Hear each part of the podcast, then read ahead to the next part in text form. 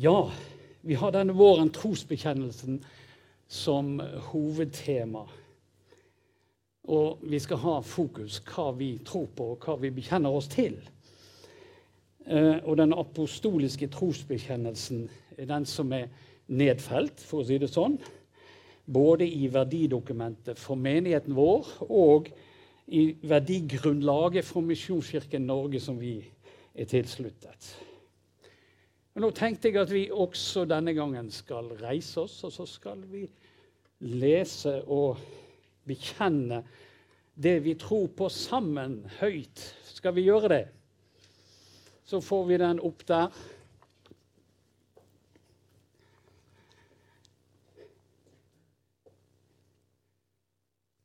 Jeg tror på Gud Fader, den allmektige, himmelens og jordens skaper.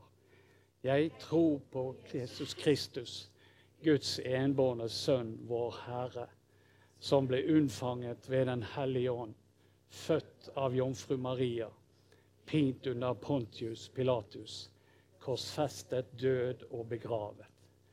For ned til dødsriket, sto fra de døde tredje dag, for opp til himmelen, sitter ved Guds, den allmektige Faders høyre hånd skal derfra komme igjen for å dømme levende og døde.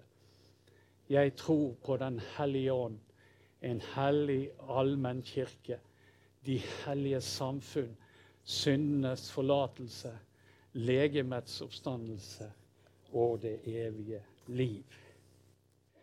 Det er godt gjerne å si ut hva vi tror på.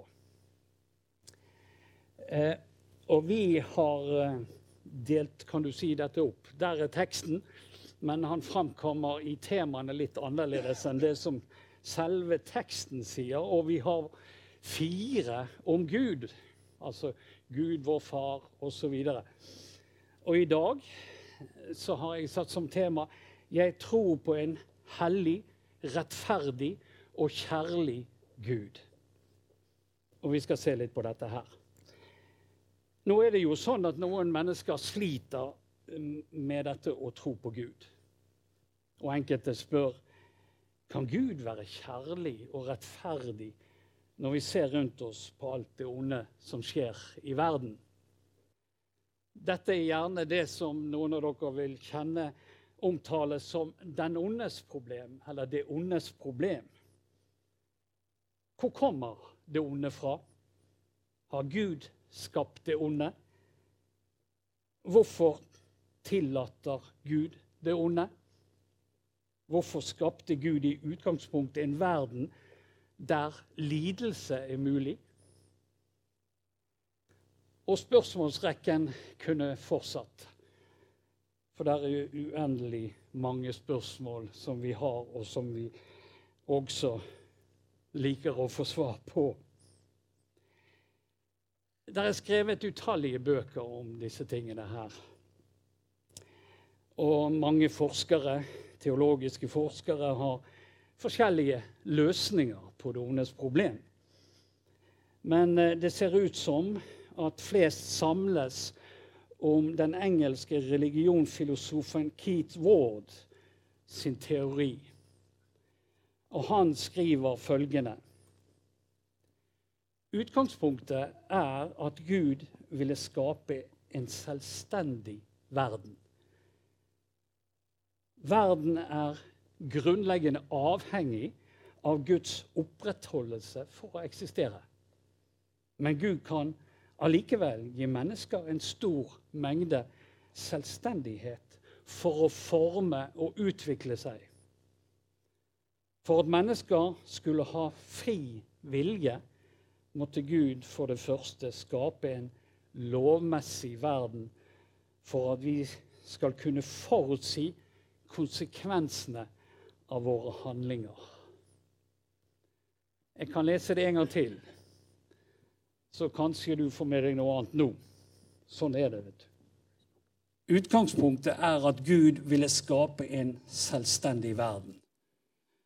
Verden er grunnleggende avhengig av Guds opprettholdelse for å eksistere. Men Gud kan allikevel gi mennesket en stor mengde selvstendighet for å kunne utvikle seg selv. For at mennesker skulle ha fri vilje, så måtte Gud for det første skape en lovmessig verden for at vi skulle forutsi konsekvensene av våre handlinger. Og kanskje er det dette som er det mest nærliggende svaret på dette spørsmålet.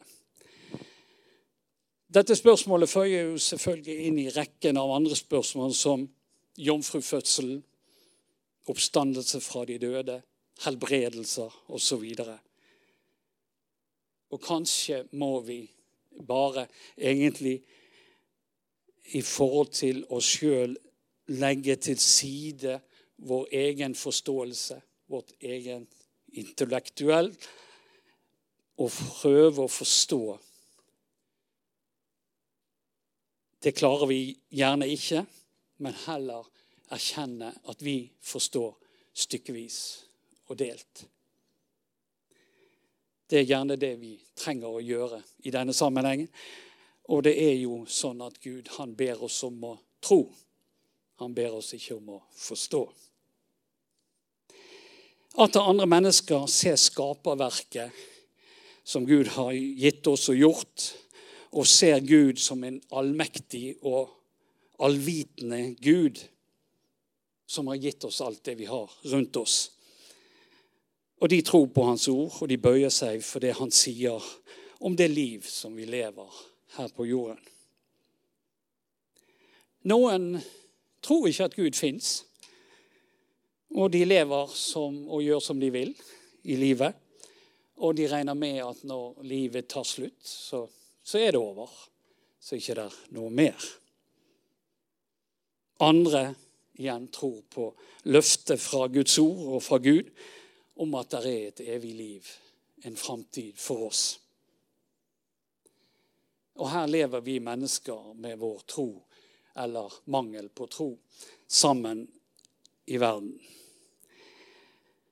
Gud har skapt oss i sitt bilde, leser vi i Guds ord. Og det betyr vel egentlig at han har skapt oss til et fellesskap med seg. Og vi som mennesker, det er i hvert fall ikke til tvil om, vi står i en særstilling overfor alt det andre skaperverket. Vi står i et jeg og du-forhold til Gud. Og Det betyr og innebærer at Gud taler til oss og at vi har mulighet til å svare tilbake. Vi har mulighet til å samtale med Gud. Og i dette så ligger egentlig menneskets grenseløse verdi. For vi er skapt til et evig fellesskap med Gud og gjennom Hans ord. Og ved vårt svar på Hans tale så får vi del i dette fellesskapet. Gud vil at vi i våre liv skal være hellige. Vi skal være kjærlige og rettferdige. Og han sier en del om seg sjøl i sitt ord. Og vi vet og kan si det at han er allmektig. Han er så stor at han kan bruke jorden som fotskammel for sine føtter. Og samtidig så er han far. Far for sine barn og vil at vi skal være nær Han. Vi skal søke inn til Han og holde oss nær til Han i våre liv. Men hvordan ser vi på Gud? Hvordan ser du og jeg på Gud? Hvilken Gud har vi?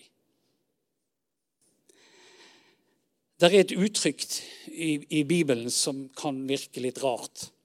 Guds frykt. På mange måter kan det bli, være en motsetning i, de, i det uttrykket. Skal vi frykte en Gud som elsker oss? Guds frykt kan forklares med respekt for en hellig og allmektig Gud. Etter at Gud hadde gitt Moses de ti bud, og folket hadde fått de lest opp sånn at de hadde fått hørt det, så blir de igjen minnet på at Gud mener alvor For han sier sånn i kapittelet etter dette i 5. Mosebok 6. Herren din Gud skal du frykte. Ham skal du tjene, og ved hans navn skal du sverge. Dere skal ikke holde dere til andre guder, slik som grannefolkene deres dyrker. For Herren din Gud, som er midt iblant dere, han er en nidkjær Gud. Han kunne bli harm på deg og utrydde deg av jorden, står der. Og som det sies i budene, så skjønner vi at Gud vil ikke ha konkurranse. Han alene vil tilbes som Gud. Og vi kan si at gudsfrykten er en del av den rette holdningen som vi trenger å ha i våre liv overfor Gud. Og det ser vi langt ut i, i Det nye testamentet, der Peter skriver i 2. Peter 1. Derfor må dere sette alt inn på at troen viser seg i rett liv, og det rette liv i innsikt. Innsikten i selvbeherskelse. Selvbeherskelse i utholdenhet. Utholdenhet i gudsfrykt. Gudsfrykten i brorskap. Brorskapet i kjærlighet. For dersom alt dette finnes hos dere og får vokse, da vil dere ikke være uvirksomme og uten frukt i deres kunnskap om vår Herre Jesus Kristus. Så gudsfrykten er en del av vår modning, en del av vår vekst, av den utviklingen vi skal ha som troende, som Guds barn. Og vi skal se litt videre på den Gud vi tror på, og hva han har gjort for oss. Jeg sa det i begynnelsen. Jeg skal snakke om at vi tror, jeg tror på en hellig Gud. Og da har vi et skriftavsnitt som jeg vil lese fra 3. Mosebok 19, 1-4.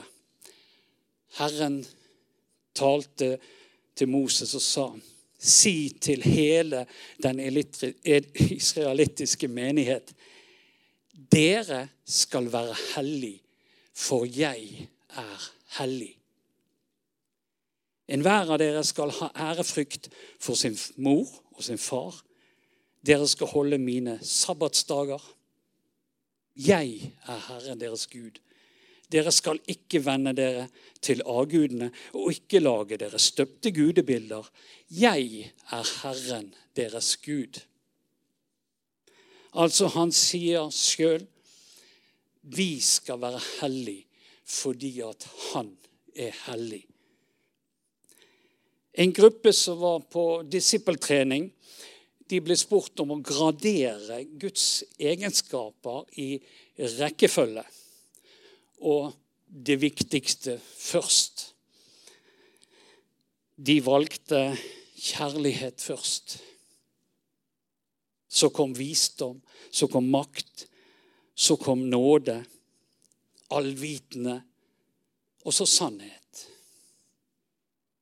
Til slutt skrev de hellig. For den som skrev oppgaven og ga, ga de oppgaven, så var svaret overraskende. For Bibelen refererer til Guds hellighet mer enn til noen av de andre egenskapene som Gud har. Bibelen taler ikke om Gud som kjærlig, kjærlig, kjærlig. Eller om Gud som vis, vis, vis. Men over og over igjen så leser vi englenes tilrop til Gud. Hellig, hellig, hellig. Altså, Gud sier om seg sjøl at han er hellig, og han vil tilbes som hellig. Og da er det vel sånn at vi kan si at den treenige Gud er hellig. Og at Gud er hellig, betyr at han er ren, han er opphøyd. Han er ulikt alt annet vi vet om. Han er skilt ut og bort fra synd, død, avgudsdyrkelse, og han kalles den hellige Gud. Hans majestetiske hellighet er usammenlignbart og perfekt. Sånn er Gud. Gud sier som, om seg sjøl at han er den han er. Vår Gud er allestedsnærværende til alle tider. Han er allmektig, allvitende. Han er alene Gud. Han er ånd. Han er uforanderlig. Han er evig, kjærlig, nidkjær. Han er sannhet. Gud er en som gir. Han er vårt banner, vår fred, vår hyrde, vår beskytter. Vi tror altså på en fantastisk Gud som er så mye større enn oss sjøl at vi kan egentlig ikke fatte det med vår forstand. Er dere enige i det? Han sier om oss at vi er støv. Det er en forskjell. Men vi kan ikke unngå å snakke om mennesker når vi snakker om Gud. Og når han sier i den samme setningen som han sier at han er hellig i 3. Mosebok 19,2, at også dere skal være hellige, sier han. Det betyr at Guds folk, israelittene, og hans utvalgte folk. Og det kan vi si er vi som hans utvalgte som bekjenner vår tro. Og vi er satt til side som hellige. Ordet kadosh er et hebraisk verb som betyr å sette til side noe eller noen for en hellig hensikt. Og det er det det betyr en hellig hensikt. Vi er satt til sides for å være hellig. Og vi er satt til sides for å være hellig her på jorden. Og det, Med dette menes at vi skal preges av Guds hellighet. Vi skal være annerledes enn denne verden som vi lever i, enn de som ikke tilhører Gud. Og Paulus sier i Romane 12, 1 og 2. Ved Guds barmhjertighet formaner jeg dere, brødre, til å bære legemet fram som et levende og hellig offer som er til Guds behag. Det skal være deres åndelige gudstjeneste. Og la dere ikke lenger prege av den nåværende verden, men la dere forvandle ved at sinnet fornyes, så dere kan dømme om hva som er Guds vilje, det gode, det som er til Hans behag, det fullkomne. Klare ord. Vi skal ikke la oss prege av denne verden, men vi skal la oss forvandle til det Gud er. Vi skal være hellige. Et, et vers som alltid har utfordret meg, Hebreerne 12, 14. Legg vind med å leve i fred med alle, og strev etter helliggjørelse. For uten helliggjørelse skal ingen se Herren.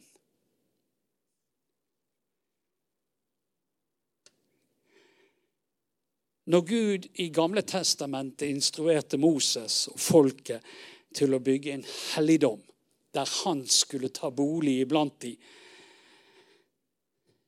Og i dette helligdommen skulle han ta imot ofringen som folket skulle komme med til ham. Og hver dag skulle de ofre til Gud. Og da var det det hellige rom, og så var det det aller helligste. Og det var bare og øverstepresten som en gang i året skulle gå inn i det aller helligste og ofre til Gud. Dette var i Gamle testamentet under loven. Men så, i Det nye testamentet, under nådens tidshusholdning, som vi kaller det, som vi lever i, så døde Jesus på korset. Og hans offer Det ble gjort en gang for alle. Og det ble ikke lenger et behov for et tempel for alle som tror. Fordi at Gud, han gjorde oss om til et tempel. Første Korinterbrev 3,16.: Vet dere ikke at dere er Guds tempel, og at Guds ånd bor i dere? Dersom noen ødelegger Guds tempel, skal Gud ødelegge ham. For Guds tempel er hellig. Og dette tempel er dere. Vi har fått den hellige egenskapen som Gud har lagt ned i oss ved Den hellige ånd. Så en del av helliggjørelsen som vi leste om, det er å slippe til Den hellige ånd i sitt liv. Og la Han få mer og mer plass i våre liv. Men dere er en utvalgt slekt, et kongelig presteskap, et hellig folk, et folk som er Guds eiendom, for at dere skal forkynne Hans storverk, Han som kalte dere fra mørket til sitt underfulle lys. Vi skal gå videre og se på det neste. Jeg tror på en rettferdig Gud. Og lese et annet tekstavsnitt. Romane 3, 21-26 skal jeg lese nå. Men nå er Guds rettferdighet blitt åpenbart, uavhengig av loven. Om den vitner loven og profetene. Dette er Guds rettferdighet som gis ved troen på Jesus Kristus til alle som tror. Her er det ingen forskjell, for alle har syndet, og de har ingen del i Guds herlighet. Men ufortjent og av Hans nåde blir de erklært rettferdig på grunn av forløsningen i Kristus Jesus. Ham har Gud stilt synlig fram for at han ved sitt eget blod skulle være et soneoffer for dem som tror. Slik ville Gud vise sin rettferdighet. For tidligere hadde han i sitt tålmod båret over med, det, med de syndene som var begått. Men i vår til, tid ville han vise sin rettferdighet. Både at han selv er rettferdig, og at han erklærer den rettferdig som tror på Jesus. Her var det mye rettferdighet. Og det er bra. Det er veldig viktig. Og kanskje må du gå hjem og lese dette i litt i stillhet og ro. Romane 3, 21-26. Men eh, enkelt eh, så vet vi at synden kom inn i verden. Det ble et skille mellom Gud og den skapningen som vi var. Han jaget mennesket ut av Edens hage. Og når han så hvordan mennesket fortsatte å leve i synd, så dømte han alle levende, foruten Noah og hans folk, til døden. Flommen kom, og alle de andre døde. Dette angret Gud på, og han bestemte seg for en annen plan som skulle ta et oppgjør med ondskapen, synden. Av at han er en rettferdig Gud, så måtte det en dom til. Mennesket måtte dø. Og det står nemlig at syndens lønn er døden. Gud bestemte seg for å betale denne straffen selv. Og han steg ned på jorden og ble som et menneske, og han døde. Og dermed bar han straffen for all synd en gang for alle. Altså, Gud viser sin rettferdighet ved at han selv bærer straffen for synden som vi har begått. Og at han erklærer den rettferdig som tror på dette. Som tror på Jesus. Det var to klassekamerater som møttes igjen etter mange år. Og det er mange år. Livet hadde utviklet seg helt forskjellig for disse to. Den ene hadde en, gjort det bra, hadde fått en god utdannelse og hadde en god stilling. Mens den andre hadde hatt en heller dårlig utvikling, og det hadde gått i negativ retning. Med et liv preget av alkohol og det som medfølger. De møttes igjen i en rettssal. Den ene som dommer, mens den andre står tiltatt i en straffesak. Og saken går sin gang, og den tiltalte må bare erklære seg skyldig, og han må dømmes. Dommeren dømmer han til å betale en bot. Og den var så stor at den tiltalte ikke under noen omstendigheter kunne betalt. Så det hadde bare endt i fengsel. Men så reiser dommeren seg. Han tar av seg sitt dommerutstyr går ned til tiltaleboksen der hans kamerat sitter, og tar fram sjekkheftet. Han skriver en sjekk på det samme beløp som boten lyder på, og gir den til sin kamerat. Dommeren dømmer og betaler straffen sjøl. Det samme er det Gud gjør.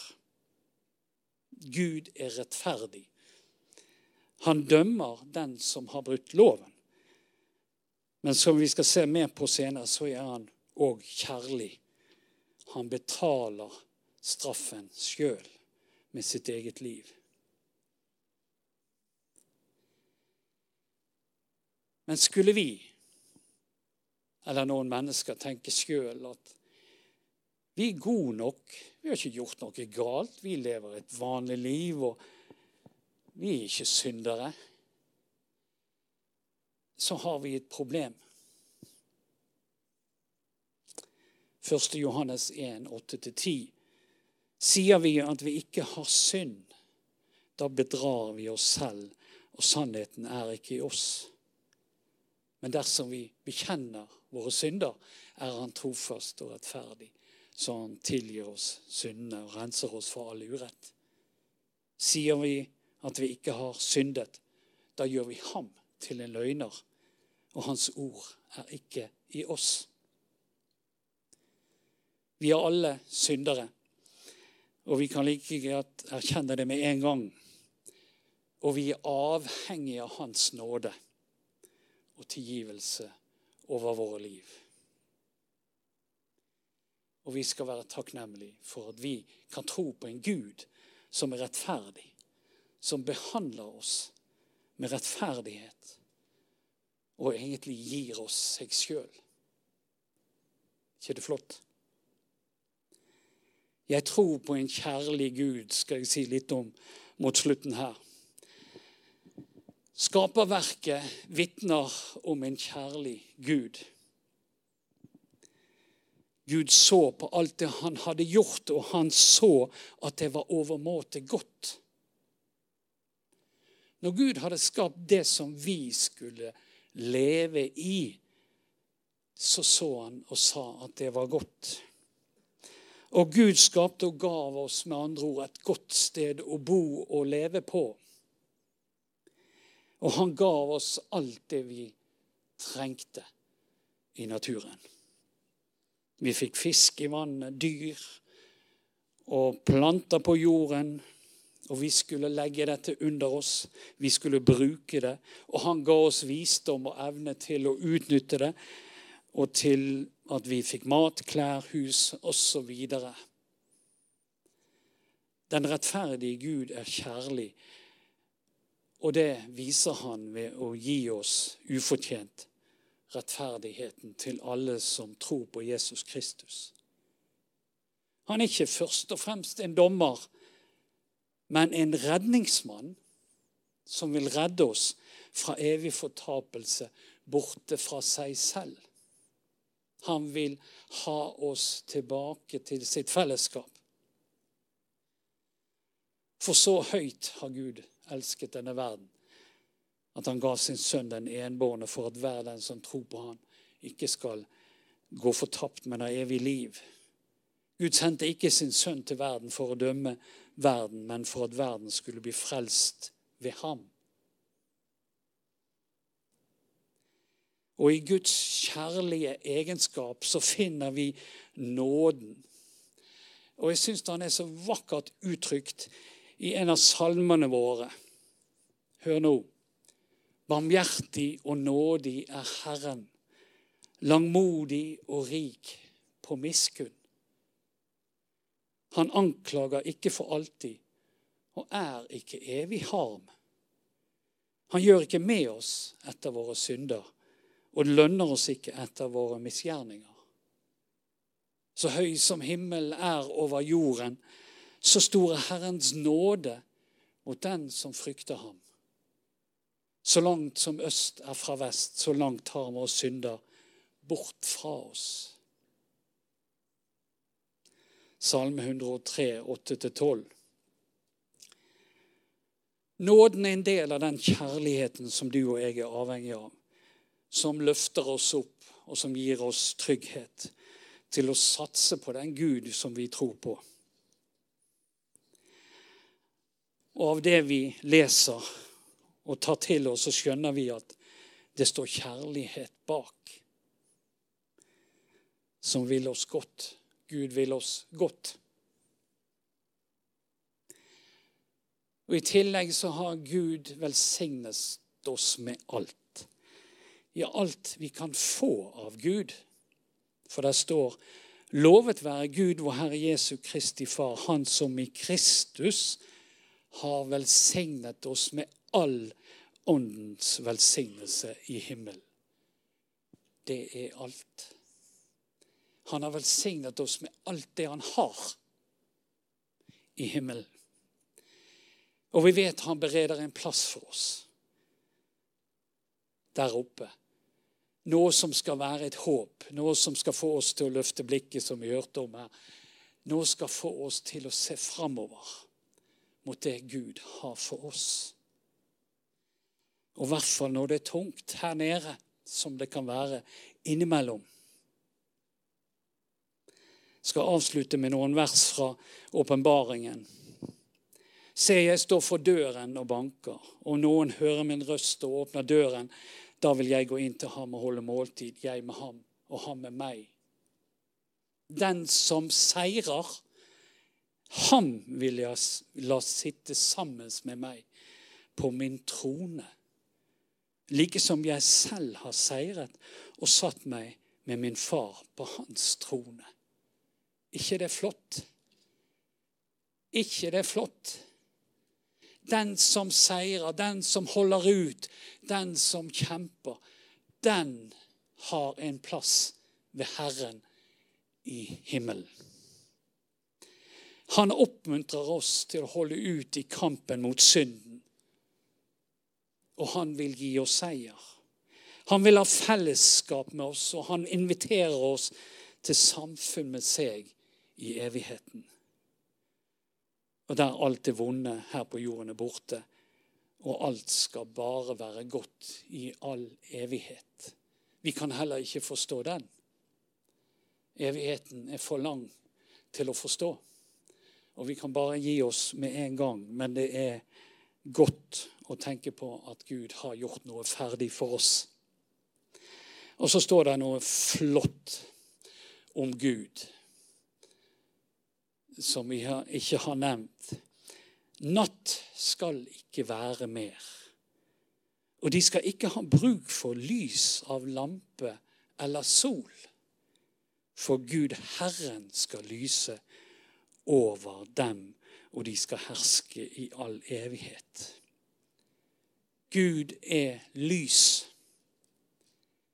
og der vil ikke behov for noe annet lys enn lyset fra Gud. Du verden. Du verden. Så den Gud vi har og vi tror på, er uendelig og noen ganger uforklarlig. Og han vil ha samfunn med deg og med deg og med deg og med deg og med meg og med oss alle. ikke det fantastisk? For en framtid vi har, og for en Gud vi har her på jorden. Vi skal be sammen. Vi takker deg, Gud, for at du har skapt oss. Du, du som har gitt oss livet. Ingen av oss hadde kontroll med hvordan, når vi ble født, hvor vi ble født, hvordan vi så ut, eller noe. Vi har alt å takke deg for, for du har gitt oss livet, og vi får lov å leve. Og takk for at du vil være med oss her på livet når, når vi tar våre valg. Når vi i vår hverdag strever, når vi sliter med det ene eller det andre, så vil du være der. Og så vil du høre oss, og vi får snakke med deg, og vi kan få hjelp av deg. Takk for at du er Gud, og om du ikke svarer oss, og vi ikke ser, så hjelper du oss til å akseptere det og ha respekt for at du har kontroll også over våre liv. Og en dag så kommer du med en løsning for oss. Og så vet vi at en dag så kommer du og henter oss hjem til deg. Og vi skal få være hos deg i all hevighet. Ja, vi priser og ærer deg for denne fantastiske kjærligheten. Takk for at du er en hellig, rettferdig og kjærlig Gud. Amen.